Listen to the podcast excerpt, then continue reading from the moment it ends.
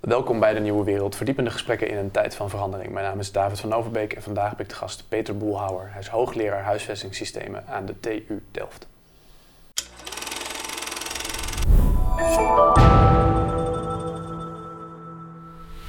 Dag Peter, goedemorgen. Goedemorgen. We gaan het vandaag hebben over de woningcrisis. Het wordt aan alle krantenkoppen wordt het al zo genoemd. Uh, eigenlijk als je onder een steen leeft, dan uh, zelfs dan moet je wel begrijpen dat er een woningscrisis is op dit moment. Het heeft te maken met de koopsector, het heeft te maken met de huursector. We gaan proberen allebei de kant vandaag te ontleden, een aantal de aard van het probleem eigenlijk bloot te leggen met elkaar. Um, misschien om maar te beginnen met een, uh, met een beetje wat prikkelende formulering, zoals je het zelf ook hebt gezegd een paar jaar geleden. heb je jezelf de vraag gesteld. Um, is de woningmarkt, uh, of, of uh, kan die ook een, een, motor zijn van maatschappelijke ongelijkheid? Uh, zien we dat op dit moment ook weer? Ja, dat zien we in hele sterke mate. Dat, dat artikel waar je refereert is geloof ik 20, 25 jaar oud, of ongeveer die orde. Maar dat is inderdaad, er staat hier een boek in deze mooie boekenkast van de Piketty. En die heeft het over vermogen en ongelijkheid ten opzichte van arbeidsinkomen. Hij heeft vergeten de woningmarkt goed te bestuderen, want daar zijn de effecten natuurlijk veel groter dan, dan de effecten die hij beschrijft. Maar dat, die zijn enorm, ja. En uh, ja, je, hebt echt, je kunt echt spreken van have en have nots op de woningmarkt momenteel. Ja. En als je niet tot die eigen woningsector weet toe te treden, ja, dan heb je echt een probleem. Ja. Een vriend van mij woont in de grote stad, betaalt 1650 euro huur. Voor een appartement met een hypotheek misschien 900 euro. Ja. Een hypotheeklast heeft per maand. Ja. Het is enorm uit de hand gelopen, de verschillen tussen de huurprijs en de koopprijs. Ja, en dan als je die 900 euro, dat is dan nog voor een belangrijk deel aflossing. Hè? Dus als je kijkt naar de werkelijke kosten, zijn ze nog veel lager. Ja, dat is zeker uit de hand gelopen. En dat hebben we ook zelf georganiseerd. Hè? Dat is het trieste natuurlijk. Hoe komt dat?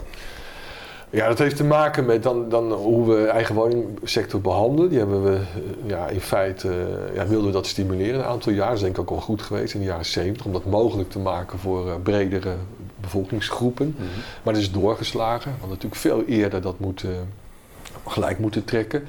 Dus we hebben verschillen gemaakt tussen kopen en huren. Mm. En vervolgens ja, is er een krapte ontstaan. Dat is de tweede verklaring. En de derde is natuurlijk die ongelooflijk lage hypotheekrente, die niemand had zien aankomen, waardoor die prijzen geëxplodeerd zijn. Dus dat zijn eigenlijk de drie belangrijkste factoren. Ja. Kan je zeggen dat we de, de huurmarkt hebben geliberaliseerd door het uh, bijvoorbeeld um, introduceren van tijdelijke huurcontracten, waar nu heel veel gebruik wordt gemaakt, met name in de grote steden. Mm -hmm. uh, en dat we de, de wonen, eigen woningmarkt, de koopmarkt als het ware hebben getribaliseerd, laat ik het zo zeggen, door bijvoorbeeld maatregelen als. Uh, uh, de, de jubelton en dergelijke, waarmee de, de, en de, have, de haves en de haves not, de verschillen ertussen eigenlijk alleen maar groter worden. Ja, maar dat, dat, dat, die, die, die faciliteiten die zijn ook al heel oud. Hè? Dat is niet iets wat we de laatste paar jaar hebben ingevoerd. Die, die, die jubelton is ingevoerd in de crisistijd. Hè? Om, om, want we moeten natuurlijk niet vergeten, we komen al een paar jaar geleden was de situatie volkomen anders. Hè? Hm waren er heel veel eigenaarbewoners die juist in de problemen kwamen, die onder water stonden, dat moeten we ook niet vergeten. En de economie deed, uh, had problemen, dus toen hebben we die jubelton ingevoerd. Ja, die is natuurlijk nu niet meer op zijn plaats, dat, uh, dat lijkt me duidelijk. Maar, ja, maar goed, het, het, is ook een hele lastige afweging nu in beleid van hoe, hoe je daarmee om moet gaan. Uh, dus ja, daar komen we misschien straks nog wel op. Maar, ja. Ja. Ja. ja, de jubelton is natuurlijk als, als tijdelijke maatregel bedoeld om, om inderdaad de, de, de woningmarkt weer een boost te geven. Ja, en ook de economie, hè? En de economie zelf. Maar nu zitten we natuurlijk in een situatie waarin je kan afvragen van, is het nog wel inderdaad houdbaar? Andere dingen die nu op dit moment weer vol op de politieke agenda staan, zijn bijvoorbeeld vraagstukken over de hypotheekrenteaftrek. Ja. Laten we voordat we de problematiek induiken, is dit ook weer zoiets wat, waarvan we nu eigenlijk de kans zouden moeten grijpen om dat af te schaffen, wat al heel lang wordt geroepen? Nou zeker, dat gebeurt ook wel. Hè. Hij wordt nu in drie jaar tijd gaat hij van uh, zo'n 49 naar 37 procent. Dus er wordt nu iedere drie jaar gaat er 3 procent af. Ja. Maar je zou dit inderdaad, het is natuurlijk de tijd. Ik bedoel, alle deskundigen en, en, economen en woningmarktdeskundigen die vragen hier al 30, 40 jaar om, om dit versneld af te bouwen. Ja. Dat is ook in heel West-Europa ongeveer wel gebeurd. Alleen we hebben dat nooit gedaan. En ja, dat is natuurlijk nu wel een echt moment. Ook al om, die, om wat vuur van die markt af te halen. Hè. Dus, dus, dus wat brandstof uh, te beperken. Om, je die prijsstijgingen wat kunt, ja, dat kunt afremmen. Dus het is het moment om het systeem te hervormen. En ja, het, zal ook nog goed uitwerken voor de woningmarkt. Dus je moet het nu echt doen, ja. ja. Want eigenlijk de, de, de, woningmarkt is natuurlijk een, een, markt van communicerende vaten. Je hebt kopers, je hebt huurders. In mm. Nederland is het eigen woningbezit ontzettend gestimuleerd sinds de jaren 70, 80. Mm. Het eigen woningbezit is ook enorm gestegen. Ehm, is dat ook ten koste gegaan nu in de huidige situatie, ook met, met woningcorporaties. Van de positie van huurders? Zijn daardoor te weinig betaalbare huurwoningen? Nou ja, we hebben überhaupt een woningtekort. Hè? Dus dat zit niet alleen in de, in de huursector, maar dat speelt ook in de koopsector. Kijk, in het verleden, hè, als je kijkt bijvoorbeeld de periode, ik pak een beet, eind jaren 90, dan had je ook prijs, dus vlak voor de internetbubbel, had je ook prijsstijging op jaarbasis van 17, 18 procent. Hadden ook discussies van ja, de, producten die mensen eigenlijk wilden, wilden, waarin ze wilden wonen, waren onbetaalbaar of waren moeilijk te verkrijgen. Maar dan had je ook aan de onderkant had je nog nou, wat slechtere woningen, de incourante woningen, die waren nog wel beschikbaar. Zelfs in de koopsector kon dat wel. Maar dat hebben we ook niet meer. Hè. Je ziet tegenwoordig dat, dat zelfs een garagebox, die kost al uh, in Amsterdam, uh, ja, wat pak een beet uh, tegen de ton. Hè. Dat, dat, en, ja, dus, dus dat, dat, dat, dat, dat hebben we niet meer. En we hebben echt een, een, een probleem met, met wachttijden in de sociale huursector. Gemiddeld zo'n zeven jaar, maar in de grote steden gaat dat meer dan tien jaar. Dus daar heb je eigenlijk niks meer aan je gaf de particuliere huursector aan, die is traditioneel klein in Nederland. Ja, dan, dan, liggen de huurprijzen zo hoog en er worden ook eisen gesteld aan je inkomen. Dat je er eigenlijk ook niet in komt. Of je betaalt echt de hoofdprijs als, als je er al in komt. Ja, en dan hebben we de koopsector, die is voor met name starters natuurlijk ontoegankelijk geworden. Maar daar is ook een, ook een tekort. Dus we hebben ja, de, er wordt wel eens getwijfeld of er een woningtekort is. Ik hm. begrijp dat niet. Maar, maar gewoon als je gewoon om je heen kijkt, de krapte-indicatoren, alles wijst daarop ook de officiële berekeningen, ja, dat, dat is gewoon uh, het probleem momenteel. En, en dat uitzicht dus in, in het niet meer beschikbaar zijn, ook van, van betaalbare alternatieven. Ja, nou, laten we dan eens bij de basis beginnen. Een huis staat op grond. Er wordt wel eens gezegd, de grond is schaars in Nederland. Er is weinig plek om nieuwe woningen te bouwen. Klopt dat? Nou, dat is natuurlijk kletskoek. Uh, we zijn de stadstaat. We hebben er alleen voor gekozen om twee derde deel van onze oppervlakte van landbouw in te richten. Terwijl dat, wat is dat, 5, 6 procent van ons eh, BBP inhoudt. Dus dat zijn, zijn ideologische politieke keuzes. 8 procent is, is bebouwd. Als we morgen beslissen om daar 10% van te maken en, en we gaan bouwen, lossen we het probleem voor een ja, behoorlijk deel al redelijk snel op. Dus er is, er is op zich grond beschikbaar. Wat je wel ziet nu, en dat is wel echt een, een, een nieuwe discussie, is dat er een enorme druk op, op, op, uh, op, op uh, de ruimte komt. Hè. Dus dat is niet alleen woningbouw, nogmaals, dat is eigenlijk maar een beperkt percentage. Maar denk aan de energielandschappen, ja, daar wordt 20, 25 procent wordt daarvoor in, in, rapporten aangegeven. De landbouw zelf, die wil extensiveren, circulair worden. Het vraagt eigenlijk ook om meer grond. We hebben waterberging. Ja, dat, en, en, en dat, dat vraagt allemaal om, om grond. En dat wordt slecht gecoördineerd door het Rijk. Daar hebben we echt.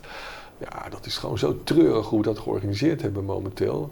We hebben, natuurlijk, ja, we hebben gewoon heel veel nuttige instrumenten en beleid overboord gegooid. Dus ja, en, dat, en dat is nu een beetje het recht van de sterkste. En, en ja, de politieke keuzes die gemaakt worden, die heel verschillend uitpakken. Daar zit het probleem. Maar voor woningbouwgrond, ja, dat is echt kletskoek dat, daar, dat dat een probleem zou zijn. Het is meer wat we daarvoor willen, willen, willen inzetten. En wat bedoel je als je zegt uh, de, de, recht van het sterkste geld in deze situatie van... Nou ja, het is niet alleen geld, het is ook ideologie. Hè? Kijk naar grote gemeentes waar GroenLinks en D66 de scepters waren. Ja, ja, daar is het vooral veel binnenstedelijk bouwen op hele dure locaties. Wat heel moeizaam van de grond komt, wat veel tijd vergt. En daar, eh, ja, als, je dat, als je daarvoor kiest, dat kan, maar dan, dan zit je met schaarste. Dat is gewoon georganiseerde schaarste natuurlijk. Dan zit je met de dure huizen ook uiteindelijk. ook, nou ja, dat, maar dat heeft met die schaarste te maken. Kijk, dat die, die huizenprijzen worden voor, voor een belangrijk deel bepaald door de financieringslasten. En omdat die rente zo gedaald is, zijn die prijzen gestegen. Maar voor veel doorstromers, kijk, de, de, de woonlasten van veel doorstromers zijn de afgelopen jaren fors gedaald. Hè. Het is vooral voor, voor mensen die, die, die die sector willen betreden, daar zit het probleem. Maar ja, als je gewoon naar de onderzoeken ook, kijkt, uh, ja, het is eigenlijk nog nooit zo goedkoop geweest om een, om een hypotheeklening af te, af te sluiten. Dus logisch dat die prijzen in een krappe markt omhoog gaan. Ja. Stel dat we nou uh, morgen beginnen met bouwen op de grond die toch wel beschikbaar is voor woningen. Uh, van wie is die grond eigenlijk op dit moment? Ja, die is voor een belangrijk deel toch in handen van gemeenten en een klein stukje ook wel van de markt. Een groot deel is, is, is Kadaster heeft in 2016 nog een onderzoek gedaan en dan, ja, dan, kwamen ze, als je heel ruim rekent op zo'n 2 miljoen woningen, die kun je bouwen op plekken waar in principe het idee is om te gaan bouwen. Mhm. En die is, ja, die is voor een belangrijk deel in, in handen van gemeenten. En op het moment dat bouwgrond aantrekkelijker wordt, er komen plannen, dan zie je vaak dat marktpartijen inspringen en dat gaan opkopen. Dan kan de overheid wel, de landelijke overheid, dit zien als een probleem, als een landelijk probleem, het woningtekort. Mhm. Maar gemeentes hebben misschien niet altijd individueel zin om daar om, woningen te bouwen of kunnen allerlei andere redenen hebben om, om geen woningen te willen bouwen of die grond beschikbaar te stellen daarvoor. Ja.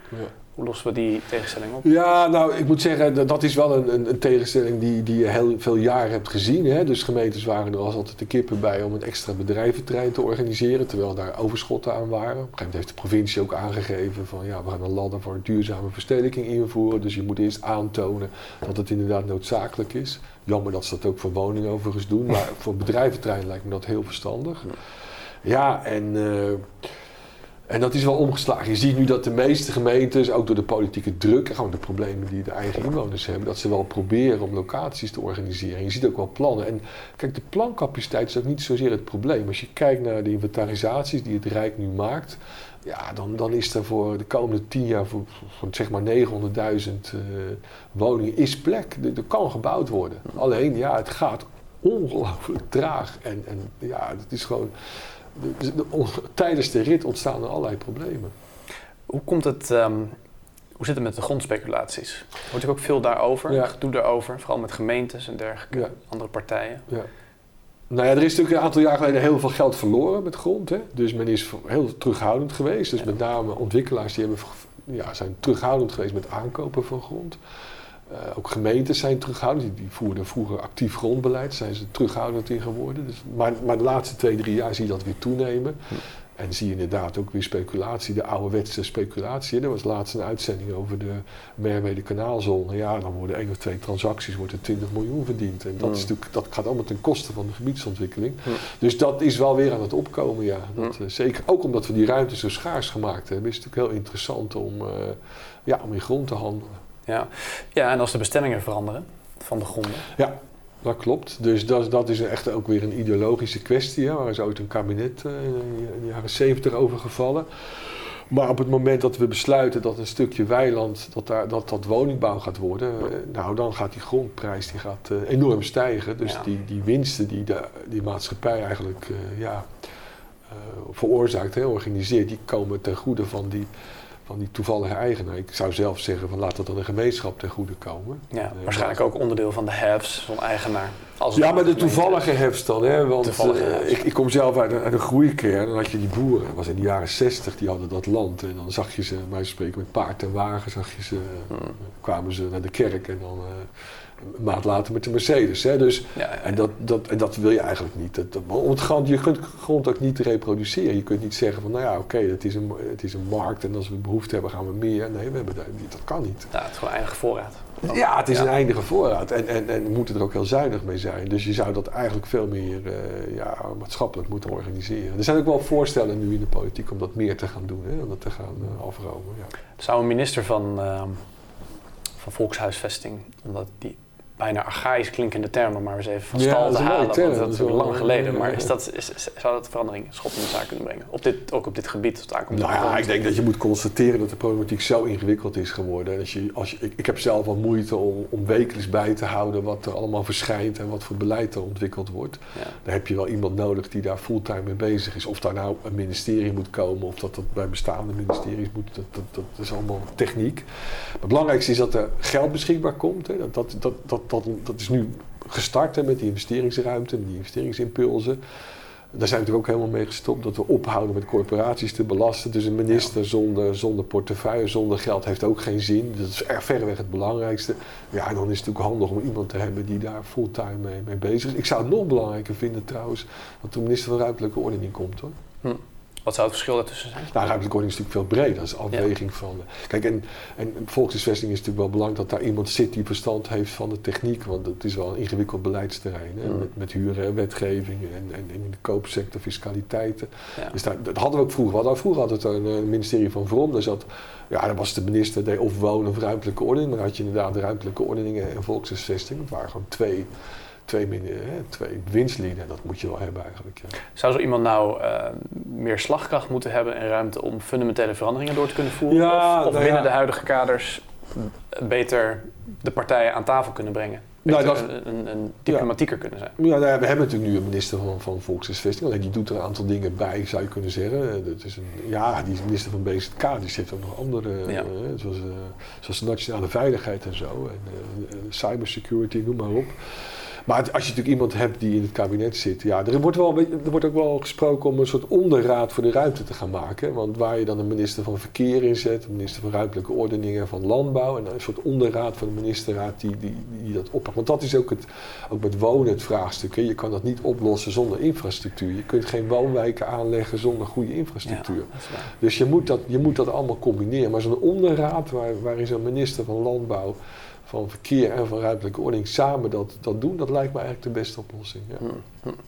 Nou wordt van de woningmarkt ook wel gezegd dat het een probleem is van de, de stille meerderheid. Dat eigenlijk, we hebben het hier nu over, er wordt heel veel over gesproken in, in, in, in de media ook. En eh, het is duidelijk dat er een probleem is. Alleen voor wie is het echt een probleem en voor wie is het misschien niet een, echt een probleem? En ik denk dat de, de- toch de stille meerderheid in Nederland die een woning bezit, die denkt toch, ja, ik snap dat het voor sommige mensen heel vervelend is, maar voor mij, eh, die prijsstijgingen of de stabiliteit van de prijs, of dat, dat het omhoog gaat, ja, het is voor mij eigenlijk alleen maar in mijn voordeel op dit moment, de schaarste. Nee, Is dat niet een beetje het taboe in Nederland? Nou, het is niet alleen een taboe, maar dat is gewoon de werkelijkheid. En dat is ook het probleem van de insiders en de outsiders. En dat maakt het ook zo lastig om dingen te veranderen. Want je hebt helemaal gelijk. De grootste groep, en daar hebben ze hebben het altijd over de babyboomers, maar het zijn ook mensen uit die generaties daarvoor. Wij spreken, eh, mijn kinderen hebben in de crisis, in de woningmarktcrisis, een eh, huis kunnen kopen. Ja, die zitten nu ook op rozen. Hè? Dus dat is niet alleen maar die generatie van die babyboomers. Ja, die insiders hebben het gewoon goed geregeld. Die hebben inderdaad stijgende prijzen. Die kunnen heel gemakkelijk hun huis verbouwen met hypotheken. Ze kunnen ook verhuizen, want ze kunnen die duurdere woning gewoon kopen, omdat ze die overwaarde hebben. Maar die kleine groep inderdaad die aan de poort staat, en dat is maar een betrekkelijk kleine groep, ja, om die ook politieke stem te geven, dat is best wel lastig. Dus als je het over, bijvoorbeeld over hypotheekrenteaftrek beperkt hebt, ja, dat is natuurlijk de reden waarom dat in Nederland zo moeizaam gaat. Hè. Men durft dat politiek gewoon niet aan. Ook al die, die, die het is ook in, in, in andere landen met minder coalitieregeringen natuurlijk makkelijk om af en toe zo'n besluit te nemen. Eh, Men is altijd bang voor, voor stemmenverlies. Ehm, ja, Wouter Bos heeft het ooit eh, een aantal jaar geleden toen in Brussel gedaan. Hè. Dat deden ze dan ook in Brussel, in het buitenland aankondigen. Maar ja, dat pakte de, de krant van Wakker Nederland pakt het op met grote koppen. Ja, Ja. dat is natuurlijk een beetje bijna politieke zelfmoord. Dus de, de- ja, dat, dat maakt het heel ingewikkeld. Dat, dat je, en toch, als je op, naar oplossingen wil, wil, wilt, zul je toch iets aan die positie van die, eh, van die, eh, ja, van die, van die, van die outsiders moeten doen. En dat maakt het wel. En ja, dat komt ook nog bij wat ik ook wel. Het is ook een, vaak een jonge generatie die op dit terrein zich ook niet echt laat horen. Hè? Dus, dus, de, de, de, de, dus de cruciale posities worden toch ingenomen door mensen uit, in, die, in die insidersgroep. Ja, want eigenlijk de, de outsiders zijn voor een heel groot gedeelte starters. Ja, dat zijn zeker starters. Maar ook mensen, ja, dat zijn starters, maar het zijn ook arbeidsmigranten. Het zijn Precies. mensen die gaan scheiden. Hè? Dus het komt in alle lagen wel voor. Ja. Maar zeker, het zijn mensen die, die noodgedwongen op zoek moeten gaan naar een woning. En Ja. die, die druk hebben. Omdat te- terwijl mensen die een stabiele situatie hebben. Maar nogmaals, dat zijn, kunnen ook met dertigers zijn hè, die een aantal jaar geleden gekocht hebben. Die hebben ook, zitten ook in een goede, goede positie. Ja. Maar het zijn vooral ja, de, nou, die, die groepen die ik net noemde. Dat, eh, statushouders natuurlijk ook. Hm. Als arbeidsmigranten, mensen die scheiden, nou, dat zijn er ook heel veel. En, en, en jongeren, starters. En ook wel middeninkomensgroepen. eh, Als het, hè, dat, dat is een beetje over, overlappend, maar die hebben het natuurlijk ook heel erg moeilijk. Hè? Ja. Die vallen echt overal buiten. hè. Die, hebben, die, kunnen niet zich, die kunnen ze niet meer in de sociale huursector. Daar verdienen ze vaak te veel voor. Ja. En ja, daarbuiten is er eigenlijk niks. Nee. Er is gewoon niks. Het is Dus- te groot gat als je zo'n huis Ja. moet verlaten. kom je in één keer. Ja. eh, Ja. Word je blootgesteld aan de krachten van de vrije markt. Wat in dit geval vaak betekent dat je gewoon naar 1000, 11, Ja. 1200 euro. eh, Ja. Maar dat, dat begrijp ik politiek ook niet. Hè. We hebben een aantal partijen die altijd roepen dat ze opkomen voor de middeninkomensgroepen. Nou, als ik nou, het vorige, twee jaar geleden kwam er een tabel uit van het ministerie van Financiën. Dat is onverdachte hoek toch. Hè. Dan worden keurig worden de netto-inkomens berekend op basis van uh, de, ja, gewoon net, de, de bruto-inkomens en alle toeslagen. Mhm. nou, als je dan een minimuminkomen verdient, dan ga je op een gegeven moment richting modaal, richting de 40.000 euro. Ja, dan hou je netto hou je 100, 160 euro meer over dan iemand die het minimuminkomen heeft per maand. En dan zeggen we tegen zo iemand, ja, maar nu ben je zelf redzaam. Nu heb je geen sociale huurwoning meer nodig. Nu kun je die 1600 euro van die vriend van jou gaan betalen. Ja, dat kan dus niet. En ja. dat mensen dan opstandig worden. En, en, en, en het is natuurlijk ook economisch en qua gedrag is het heel merkwaardig dat als je wat minder gaat werken, dat je dan veel verdediger uit bent. Het, het, is, het is zo raar, maar het is ook vanuit politiek oogpunt vind ik heel merkwaardig. Want dat zijn juist de middeninkomensgroepen waar ja, de grote middenpartijen zeggen voor op te komen. En die staan gewoon letterlijk in de kou natuurlijk. Die staan in de kou? Ja. ja. Heel merkwaardig. En dan, ja, als je dan meer gaat verdienen, dan is het probleem opgelost. Ja, dus het, het, het, zit ook in dat, hè, tussen de 40 en zeg, pak 60, 70.000 euro. Daar zit een hele grote groep overigens. Ja. ja. daar zit het probleem. En als je dan de pech hebt dat je hier in Leiden werkt, op het academisch ziekenhuis, en je moet in zo'n overspannen woningmarkt, uh, ja, dan heb je echt een probleem. Ja, nou zei de Rijksbouwmeester vijf jaar geleden dat de woningen uh, voldoende waren, dat er niet hoefden bijgebouwd te worden. Uh, momenteel zien we, zitten we in een situatie waarin uh, ABN AMRO berekende vorige week of twee weken geleden geloof ik... dat dit jaar de huisprijzen nog met 12,5, volgend jaar, volgend jaar met 5, 6, 7 procent misschien wel zullen gaan stijgen. En dat heeft onder andere mee te maken dat er gewoon niet genoeg nieuwe woningen worden opgeleverd. Uh, mede vanwege de vertraging die erin uh, in zit. Um, loopt, lopen de, de orderboeken als het ware wel weer genoeg vol op dit moment met nieuwe woningen voorbij die tijdshorizon. Ja, maar even corrigeren, die prijsontwikkeling wordt niet zozeer bepaald door het tekort. Dat is gewoon puur die financiering. Hè? Echt de, de, vanwege de beschikbaarheid van ja, kapitaal. kapitaal. wat heel goedkoop is wat wel zo is, dat ook de minder courante woningen ook heel duur zijn. Want als je een meer ruimere woning maakt, dan zou je wat meer spreiding hebben.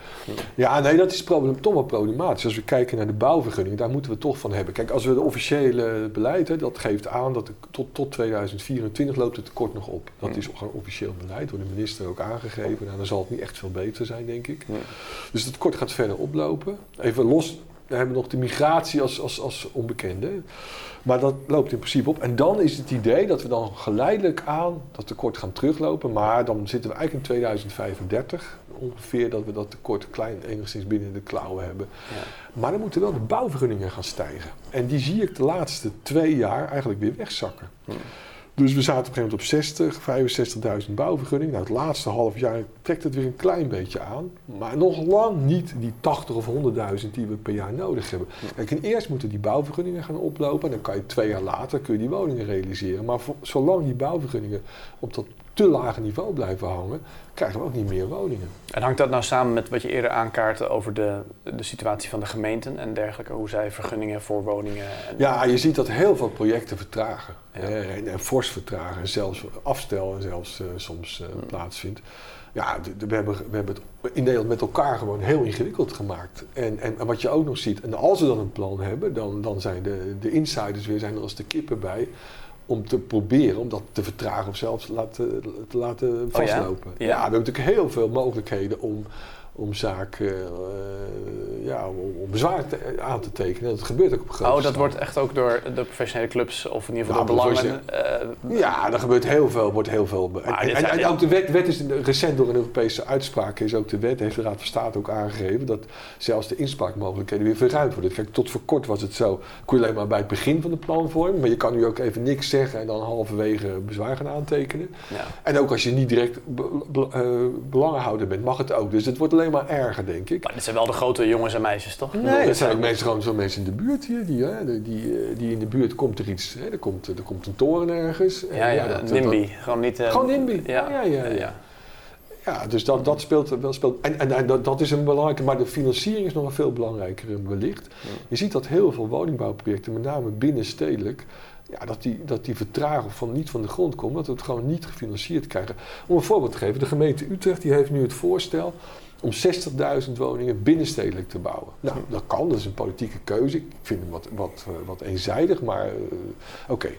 daar, daar vragen ze 7,1 miljard voor. Dat, dat is niet alleen die woningen, dat zijn ook twee stations die worden geüpgrade, de parken worden toegevoegd, maar dat heb je wel nodig als je die stad zo op. Uh, ja, je kunt ook zeggen, we, we bouwen die polder die daar tegenaan ligt, daar worden nu windmolens neergezet. Daar kan je ook voor een deel windmolens en een deel woningen neerzetten. Dat kan bijna zonder subsidie. Dat zijn keuzes die we maken.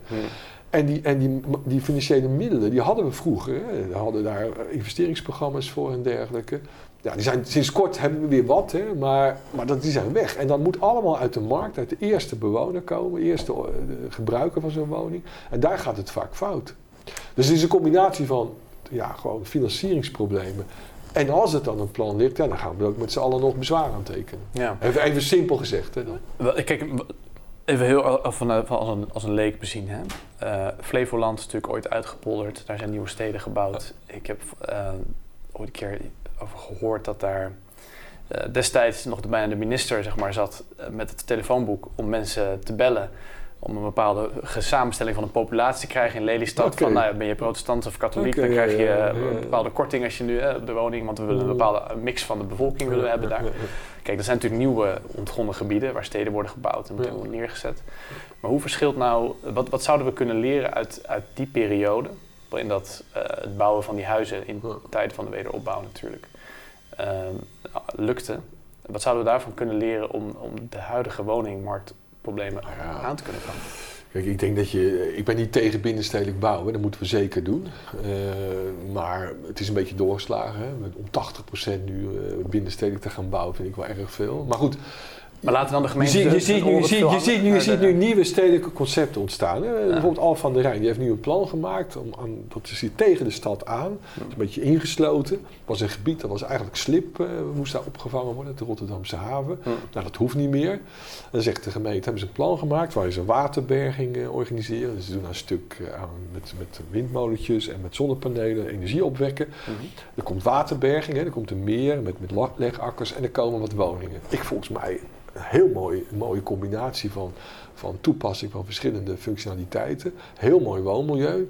Ja, zegt de provincie, dat doen we niet, want het is niet binnenstedelijk. Nou, dat zijn voorbeelden, denk ik, van, van plannen waarbij je gewoon combinaties maakt. Je hebt nu, net als, ja, moet ik ook weer veel kritiek op aangegeven. Je hebt nu uh, zo'n initiatief bij, eh, bij Almere ook, onder Almere heb je Oosterwold, hè? daar is het idee van Adrie Duivenstein geweest. Dat hebben ze in Oosterwold 1 gedaan. Dan gaan we iedereen een vrije kavel geven. En dan mag je zelf ontwikkelen, een beetje ja. autarkisch. Ja, dat is natuurlijk eigenlijk pervers, want dat is drie woningen per hectare. ja. En dat is natuurlijk alleen van, ja. Nou, daar is nu een plan van, eh, van ontwikkelaars en corporaties om daar een stad te bouwen. Een, Eemstad. En dat verbind je dan met Almere. Met, en ook kun je met Utrecht verbinden. Moet je goed openbaar vervoer aanleggen. Ja, ja en, daar, en dan willen ze natuur combineren met een stukje landbouw ook. Stadslandbouw en, en ecologisch verantwoorde woningbouw. Daar kan je hele nieuwe concepten, nieuwe uh, concepten ontwikkelen. Een ander voorbeeld is, uh, waar ook ieder, heel veel mensen tegen zijn, is, is, is Zuidplaspolder.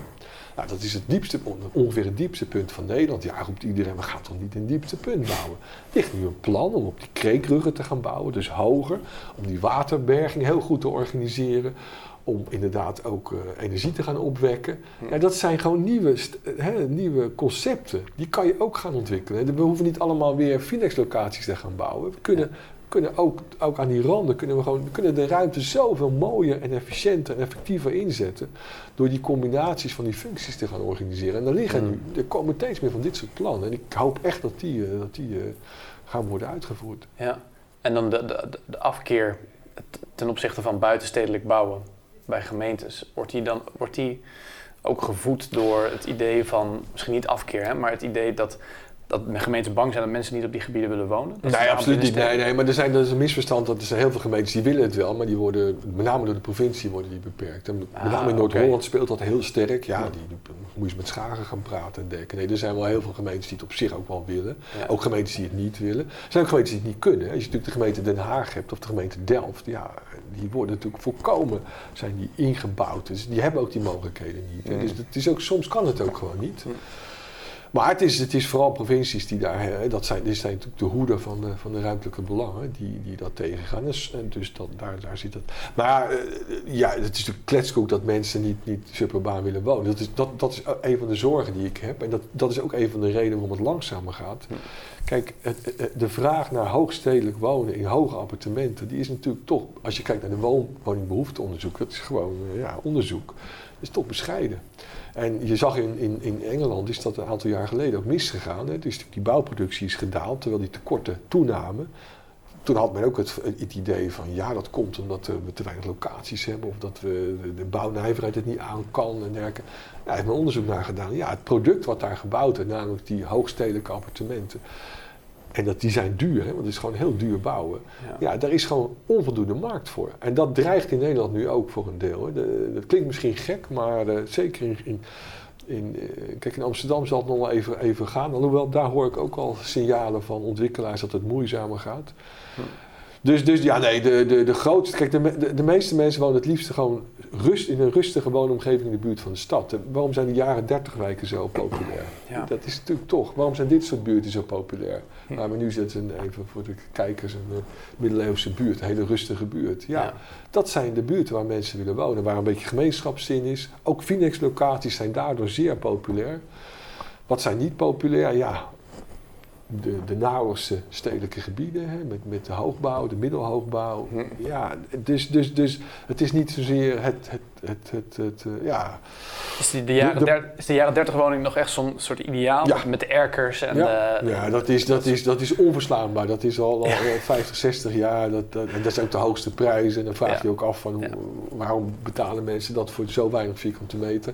Maar dat zijn nog steeds de meest geliefde woonmilieus. En dat komt, dat zijn ook eigenlijk gewoon suburbane woonmilieus. Die zijn aan de rand van de toenmalige steden gebouwd. Mm -hmm. In lage dichtheden. Ja, ja en dat zijn dat. En, en, en die Vinex is ook, dat is, dat is ook zeer populair hoor. Dat, en de indeling van de woningen zelf dan ook vaak. Dat ja, dat is natuurlijk allemaal voor, voor gezinnen allemaal wat, wat, wat handiger. Maar, ja. uh, maar je zit daar natuurlijk ook, hè, dicht bij de stad. Dat is natuurlijk een, die Vinex is natuurlijk een, een heel mooi concept geweest. Mm. Tegen die stad aanbouwen, ook in die steden bouwen. Dat hebben we heel goed gedaan, denk ik. En, ja, daar kun je natuurlijk gewoon door mee gaan. Hè. Dat, uh... Ja, dan de bloemkoolwijken en dergelijke. En, uh... Ja, dat, dat zit daarvoor weer. Oh, dat zit toch daarvoor? Oh, ja, oké. Okay. En die zit voor de Phoenix. Maar ook die, daar wordt soms ook uh, negatief over gedaan. Maar die zie je ook wel weer sterk in opkomst. Want dat zijn ook niet... Ja, dat, die hebben ook weer een revival nu. Ja, klopt. ja ook een behoorlijke aantrekkingskracht. Ook vanwege de, de autoluwte. En het is ja, voor de auto ja, bijzonder moeilijk om daar door die wijken heen te manoeuvreren. Ja, maar ze zijn ook locaties zijn ze goed gelegen. Ja, dat is vaak, vaak bij, ook bij uitvalswegen. Je bent zo weg. En, ja, maar ook wel in de buurt van de binnensteden nog. Ja, ja. grappig. Ja. Um, nu is natuurlijk ook de agenda van duurzaamheid, uh, ja. speelt hier ook nog in mee. Zeker. Ja. Je hebt ook wel eens laten ontvallen dat we eigenlijk een, een, een meer behoefte hebben aan een, je hebt een vaste kern, vaste huizenvoorraad, maar ook een flexibele schil daaromheen. Ja. Um, moet ik dan denken aan uh, van die woningen die in 10, 15 jaar weer worden afgebroken en ergens anders worden neergezet, circulair bouwen, de woningcontainers als het ware, die, nou niet de containers, misschien oneerbiedig, maar de, de, de prefabwoningen die worden neergezet en vervolgens ook weer ergens anders kunnen worden neergezet.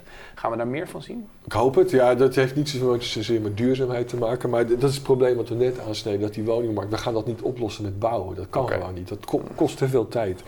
En wat we, hebben, en wat we nodig hebben is inderdaad een flexibele schil. En dat kan in de bestaande voorraad kunnen we dat organiseren. Door bijvoorbeeld meer mensen in één huis te laten wonen. Dat is natuurlijk niet optimaal, maar geeft mensen dan in ieder geval de kans als ze dat willen om dat te doen. Nu wordt het door regelgeving beperkt. En dat kunnen ook tijdelijke locaties zijn waar je inderdaad duurzame woningen, want daar heb je wel gelijk in, die kunnen hè, prefab neergezet worden, die zijn circulair, demontabel, die kun je zo ergens anders neerzetten. Kijk, Kijk, in de grondwet staat dat iedereen recht heeft op adequate huisvesting. En dat kunnen we gewoon als, als maatschappij momenteel niet, niet aanbieden, niet organiseren. En dan is dit voor mij een second, uh, second best oplossing. Iemand die gaat scheiden, of iemand die arbeidsmigrant is, of iemand die hier komt studeren, of die van baan gaat veranderen, die heeft gewoon een woning nodig. En dan kan je wel zeggen, ja. Die gaat nu naar vakantiepark. Dat, ja, nou ja, dat, dat wordt ook al moeilijker gemaakt. Hè. oh ja? Ja, ja, daar worden mensen nu massaal afgezet. Hè, die, die moeten verdwijnen. Hm. Dus dan kan je zeggen, ja, dat is niet optimaal, dat willen we niet. Maar dat is de enige mogelijkheid die we hebben om op, op korte en middellange termijn iets aan dat probleem te doen. Dus we hebben die flexibele schil hebben we gewoon keihard nodig. Hmm.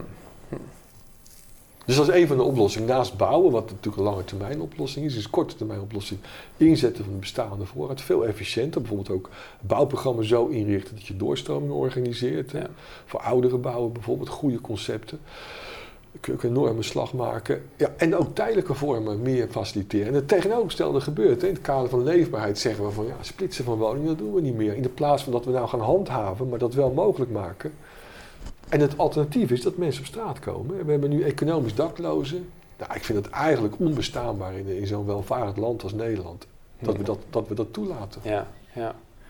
Over die doorstroming. Jij bent zelf ook betrokken bij projecten wat, uh, wat te maken hebben met knarrenhofjes. Ja, klopt. Ja. Uh, met huisvesting voor, voor ouderen. Uh, eigenlijk een soort, ja, je moet het misschien zelf maar even uitleggen. Um, een soort woningcomplexen eigenlijk, waar mensen toch in een eigen, eigen plekje hebben, maar ook in een gemeenschap werken of wonen en, en elkaar in onderhoud voorzien en bij elkaar zijn. Um, eigenlijk ook bedoeld uh, om, om de doorstroming te bevorderen. Oftewel om, om huizen waar nu ouderen in zitten, en gezins, gezinswoningen misschien, -hmm. om die weer vrij te maken voor, uh, voor jonge mensen en tegelijkertijd voor die oude mensen iets te bieden waar ze ook echt uh, gezellig en leuk samen met elkaar kunnen wonen. Mm -hmm. Is dit een, een, een, een oplossing ook als je het bekijkt vanuit wat we bespraken in dit gesprek, de complexiteit van een probleem, als je kijkt naar de vergunningen, naar gemeentes, hoe ze meewerken, hoe de, de, de ruimtelijke ordening is ingericht, is dit een, niet alleen in theorie een goed idee, maar is, werkt het ook in de praktijk? Ja, nee, je hebt het heel mooi omschreven al, ook de voordelen. ja, nee, dat klopt. Dat zijn, dat noemen we deftig geclusterde woonvormen. En dat, die sticht, dat zijn stichtingen, Knarhoff, die heeft een bepaald concept ontwikkeld. Maar het wordt ook door marktpartijen aangeboden en door corporaties. Dus het kan op verschillende manieren. Ja, het idee is inderdaad dat je, dat je meer gemeenschappen organiseert. En nou ja, als je, als je dat voor die ouderen doet, dan hebben wij het idee dat je dan een drieslag kan maken. Je kunt de eenzaamheid kun je tegengaan, want die is echt groot. Hè? En dat heeft ook gevolgen voor je gezondheid. Dat is echt ook goed onderzocht. Hm. Dus je kunt eenzaamheid bij ouderen, die, die heeft enorm te maken met vergrijzing. Dat kan je tegengaan. Je kan iets voor de woningmarkt doen. Want ja, je maakt inderdaad die woningen dan beschikbaar voor. Want er zitten ook heel veel ouderen in grote woningen. Ja. Maar het derde is ook, we kunnen ook enorm kosten besparen. Want, want, want en daar gaan we ook als het goed is onderzoek naar doen. Maar dat, dat wordt wel continu ook, ook wel, ja, in de praktijk laat dat wel zien ook. Dat mensen gaan minder ziek worden. Ze gaan voor elkaar zorgen. Als je in staat bent om, om, het, om, de, om de gang naar het verpleeghuis, om, om die één jaar uit te stellen. En dat kan volgens mij in sommige gevallen. Ja, dan bespaar je een ton. Hmm. He, dus, dus je kan op je WMO besparen. Dus, dus het, het levert zoveel voordelen op. En wat we nou zien is dat, ja, dat, dat het gewoon. We hebben, we hebben 24.000 leden. Uh, zijn bij, in bijna iedere gemeente is er wel zo'n groep. Maar het komt ongelooflijk lastig van, van de grond. Er zijn een stuk of tien die zijn gerealiseerd of worden binnenkort opgeleverd. Hmm. Ja, je zit weer de gevestigde belangen. De gemeente zegt dan van, ja, maar die woning is iets duurder. Dus dan gaan we meer voor de grond vragen. In plaats van dat ze zeggen, goh, dat gaan we concept, we gaan dat stimuleren. Uh, en dat is ook heel mooi integratie, hè? want we hebben die is zowel koop als sociale huur door elkaar. Ja, wat wil je nog meer? We zijn zelfs bezig met, met jongeren, met tiny houses erbij. Ja. En waarom werken die gemeentes niet mee? Dus ook een oproep aan gemeenteraden van zet je wethouder onder druk en zorg dat er voldoende uh, locaties komen. Het hoeft echt niet allemaal grondgebonden. Hè? In, in Gouda wordt er nu appartementencomplex in die vorm opgeleverd. Maar Ja. het is voor mij, ik begrijp niet waarom dit ook door de politiek, lokale politiek, niet veel meer wordt opgepakt. Maar zeggen die gemeenten, bedoel, de gemeentes begrijpen ook dat, er, dat dit soort problemen er zijn. Dus ook als zij de hogere grondprijzen daarvoor vragen, zeggen ze, wat zeggen zij dan? Zeggen zij, ja, dan moet je bij de, de Ja. landelijke politiek zijn? Of, Ja, eh, het probleem is als je met de afdeling volkshuisvesting praat, die vinden, er zijn er allemaal voor. Maar dan ga je met, ja, maar dan ga je met, de, met, de, met de afdeling grondbeleid praten. Die zeggen van ja, nee, maar wij hebben toch een taakstelling. Dat, we moeten, daar, ja, we moeten daar geld verdienen. Ja. En dan de, de afdeling zorg, die daar in principe in de toekomst zou kunnen besparen, die zegt van ja, maar daar heb ik nu geen geld voor. Dus zo'n gemeente is ook niet een, dat is een meerkoppig monster, zullen we Ja, maar zeggen. ja. Dus daar is. En, en eh, ja, en, en, en het is ook wel. eh, we hebben natuurlijk te maken met, eh, met veel ontwikkelaars ook, met grondposities. En, en, en ja, het helpt natuurlijk niet om je financiële problemen op te lossen. Mhm. eh, in heel veel gevallen. Maar gelu- gelukkig zien we het wel, wel toenemen nu, dus dat is positief. De beschikbaarheid daarvoor. Ja, je ziet steeds meer plannen en er komt ook steeds meer druk. En, en mensen zien ook wel, wat jij zegt, mensen zien ook wel in dat het een enorme functie kan hebben. Want wat we natuurlijk gedaan hebben, dat is ook een van de, een van de verklaringen waarom die woningnood zo toegenomen is. In het verleden, ging, nou dan praat ik over de jaren 60, als je 65 werd, ging je echt letterlijk het verzorgingstehuis in. Dat, je, dat was gewoon min of meer ook moreel, want ja, je hield een woning bezet voor een gezin. Nou, dat is natuurlijk helemaal omgekeerd. Ja. Die, zijn we, hebben we bijna allemaal afgestoten. Het is echt omge... het is echt, eh, iedereen woont zo lang vrij. mogelijk zelfstandig. Maar ja, dat is natuurlijk vanuit het perspectief van, van eigenlijk, van, ja, vanuit, wel vanuit dat je voor jezelf blijft zorgen, maar vanuit het idee van, van, van, van gemeenschapszin. Ja, en ook vanuit het het gebruik van de woningvoorraad is het natuurlijk heel merkwaardig. Ja. Dus, dus dan moet je iets ertussenin bedenken. Nou, dan zijn die, die gemeenschapsvormen, die, die knarhofjes, waarbij je ja, gemeenschappelijke ruimte ook hebt, die eh, gemeenschappelijke activiteit, je doet samen de tuin. Maar het belangrijkste is, je kijkt naar elkaar om, nabuurschap. Dat organiseer je. En ja, Ja. dat missen we natuurlijk enorm. Ja. Dan kan je natuurlijk ook zeggen, in Nederland eh, is het aantal vierkante meters per persoon waarop ze wonen is alleen maar toegenomen de afgelopen tientallen jaren. Dus steeds meer ruimte is er beschikbaar. Maar dat, dat is natuurlijk ook. eh, kijk, je kan dus zeggen, vroeger was er ook sprake van bijvoorbeeld een eenpersoonstax. hè. Dus als je in een huis zat en je zat in je eentje, dan betaal je een extra belasting omdat je heel groot woonde in je eentje. Ehm, zijn dit soort, dit soort maatregelen waar we weer aan zouden moeten denken om het op te lossen? Ja, ik ben er geen voorstander van. In Engeland doen ze dat. Hè. Dan heb je de bedroom tax. Dus in de, Oh ja. in de huursector, als je dan een kind de deur uitgaat en je hebt een extra slaapkamer, ga je meer betalen. Maar je moet- dan moet je, moet je wel een alternatief hebben. Dat hebben we vaak niet. Hmm. Dus wat je wel zou kunnen proberen, wat bijvoorbeeld in, in, in Brabant nu gaat, ja, er is nu een best, begint nu, daar zijn ze al jaren mee bezig. Hè. Sta, statiegeld voor de, voor de jeugd heet dat. Dat zijn ouderen die wonen in grote woningen en, dan, en die worden dan omgebouwd en dan kan dan ook een gezin komen wonen. Dat zijn natuurlijk hele mooie initiatieven, maar dat is natuurlijk heel kleinschalig.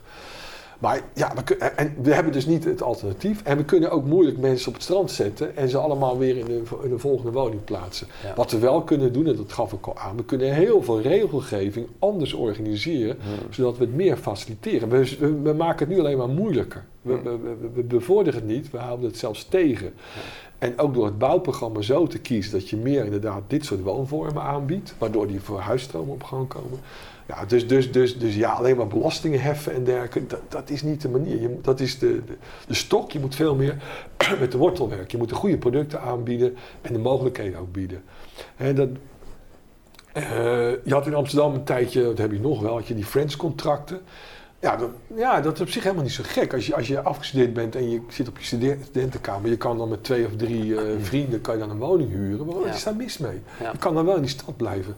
Ja, wat doet dan de gemeente? Die gaat dan weer extra eisen stellen. precies. Ja, en dan zegt de corporatie, hè, dat, daar, daarvoor kunnen we het niet doen. Hmm. Dat is te veel, dat is te duur. Ja, en dan loopt het weer vast. Dat is zo zonde. Ja. Goed, Peter, een pleidooi aan de gemeentepolitiek en de landelijke politiek om eindelijk dit dossier eens goed eh, de, koe, de koe bij de hoorns eh, te vatten. Zeker. Mochten mensen nou nog meer willen weten hierover, dan is er ook online, waarschijnlijk nu in beeld, een link met een eh, mooi college wat je onlangs nog gaf, waarin je een hele analyse geeft van de complexiteit en van de, alle problemen op de huizenmarkt. Misschien nog even een laatste korte vraag. Als mensen dit nou eh, ehm, in de gaten willen houden en willen volgen wat op de politieke agenda staat er nog te wachten binnenkort, wat, wat hier wel echt belangrijk in dit dossier is. Nog iets waarvan mensen van zeggen, nou hou dat echt in de gaten. Nou ja, we krijgen natuurlijk een nieuw regeerakkoord. Met, met hoop ik echt een eh, goede woonparagraaf. Dat, Mhm. dat, dat is natuurlijk wel heel spannend. Het staat ook in de agenda van eh, mevrouw Hamer, de transitie. Nou ja, dat eh, wordt heel spannend. Dus er gaat echt wat gebeuren. Ik heb wel, ben wel positief gesteld. Toch wel, Ja, ik denk dat de, dat de noodzaak, de maatschappelijke noodzaak, de, is, is er wel. Iedereen ziet dat ook wel. Dus ik heb wel hoop dat er nu echt stappen gezet gaan worden. Goed, we gaan het in de gaten houden. Dankjewel Zeker. Peter.